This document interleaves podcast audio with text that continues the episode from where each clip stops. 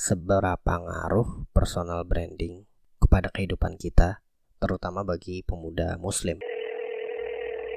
Assalamualaikum warahmatullahi wabarakatuh. Alhamdulillah, salatu wassalamu ala rasulillah wa ba'd. Apa kabar kawan-kawan sekalian? Selamat datang di podcast Suara Kairo bersama saya Arif Rahman Hidayat. Taib, lama tidak membuat podcast, tapi saat ini saya terpacu atau terpanggil buat membuat sebuah episode podcast monolog membahas tentang sebuah pembahasan yang sepertinya cukup menarik untuk saya bahas.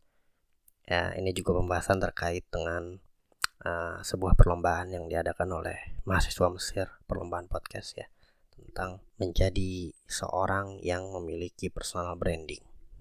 Ya, seberapa ngaruh personal branding kepada kehidupan kita, terutama bagi pemuda Muslim ya personal branding ya. Kita tahu bahwa hari ini kondisinya uh, banyak orang yang mungkin tidak seideal zaman dulu ya. Mencari kerja hari ini itu butuh uh, banyak taktik dan keterampilan. Akhirnya jadi kebingungan. Nah itu semua mungkin juga disebabkan karena ya kurangnya personal branding ya. Bahwa apa? Orang lain nggak tahu apa yang dia bisa orang lain nggak tahu apa yang jadi knowledge-nya dia orang lain nggak ngerti gitu. Apa yang jadi uh, kebisaan dia gitu. Sementara kita tahu personal branding itu adalah ya kegiatan kita memberitahu dunia tentang apa yang kita bisa apa yang kita tahu apa yang kita handal dalam bidang itu atau apa yang menjadi knowledge kita atau pengetahuan kita gitu yang bisa kita bagikan untuk bisa menjadi manfaat bagi orang lain ataupun untuk menjadi peluang ya. Ya sebagai peluang penghidupan kita atau peluang menuju tujuan yang kita inginkan gitu. Nah, gitu. Maka personal branding ini penting gitu. Ya sering kali di antara kita uh, uh, kita bisa misalnya kita bisa tajwid kita bisa ngajar ngaji, kita bisa uh, baca Al-Quran dengan baik dan benar ya, kita bisa ngajar tahsin, tapi action ini nggak ada gitu, actionnya nggak ada. Itu bahkan kadang di masjid yang memang banyak ya orang tua orang tuanya di situ kadang-kadang ada anak-anak muda yang sebetulnya mereka punya kemampuan lebih dalam kemampuan ngimamin kemampuan untuk jadi khotib ya. Kemampuan untuk mengajar agama, kemampuan untuk mengajar tajwid, tapi tidak ditunjuk atau bahkan tidak disuruh maju karena memang orang-orang nggak tahu dia bisa gitu. Orang-orang nggak tahu dia mampu gitu. Maka gimana cara kita nunjukin bahwa kita punya kemampuan tersebut ya? Gimana cara kita uh, mengarahkan ya apa yang kita bisa untuk bisa jadi manfaat bagi orang lain ya karena ini kaitannya juga dengan berbagi manfaat gitu. Ya. Kalau orang lain nggak tahu kita bisanya apa ya orang akhirnya bingung mau memberi peran apa kepada kita dalam kehidupan ini gitu. Orang bingung mau mempekerjakan kita di bidang apa misalnya. Itu atau ngasih tugas untuk kita nih dalam kehidupan bermasyarakat nih sebagai apa gitu. kalau kita sendiri bahkan nggak tahu atau tahu tapi nggak bisa mengekspresikan atau uh, memberitahu dunia tentang apa yang kita bisa. Gitu.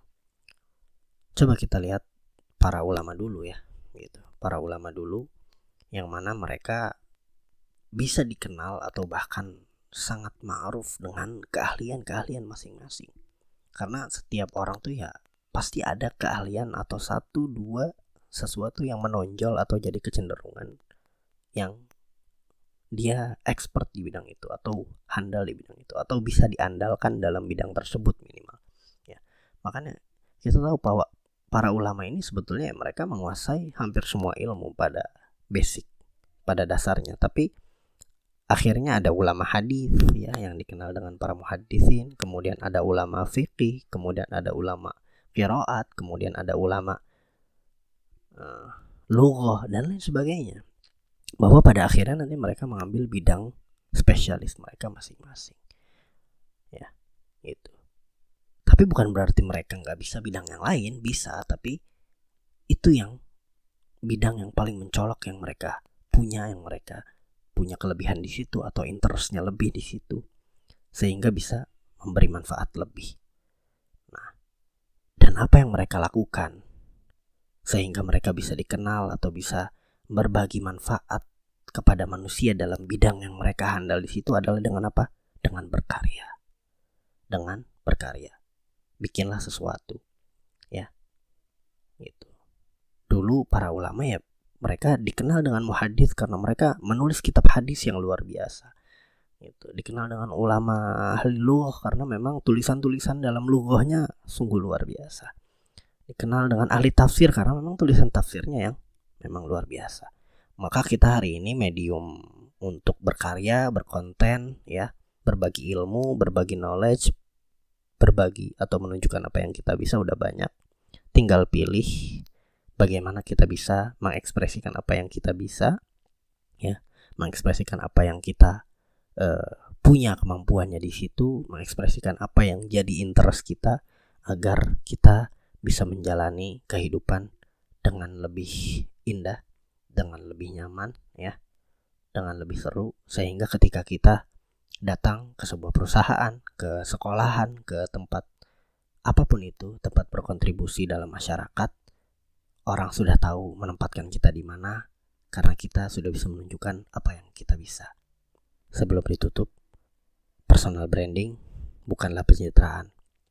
Kalau pencitraan yaitu kita membangun sesuatu yang bukan jadi kebiasaan kita yang itu bukan kenyataan sebenarnya sehingga kita jadi kesulitan ke depannya karena kita membangun citra yang salah. Kita menunjukkan sesuatu yang sebetulnya itu bukan aslinya dari diri kita. Tapi personal branding adalah kita menunjukkan bagaimana atau apa yang jadi kecenderungan kita, apa yang jadi uh, interest kita, apa yang jadi keahlian kita sehingga kita tahu bagaimana mengambil peran untuk berbagi manfaat di tengah umat dan masyarakat. Wallahu taala alam. Jazakumullahu khairan sudah menyimak. Saya Arif Rahman dari Kairo Bersuara. Wassalamualaikum warahmatullahi wabarakatuh.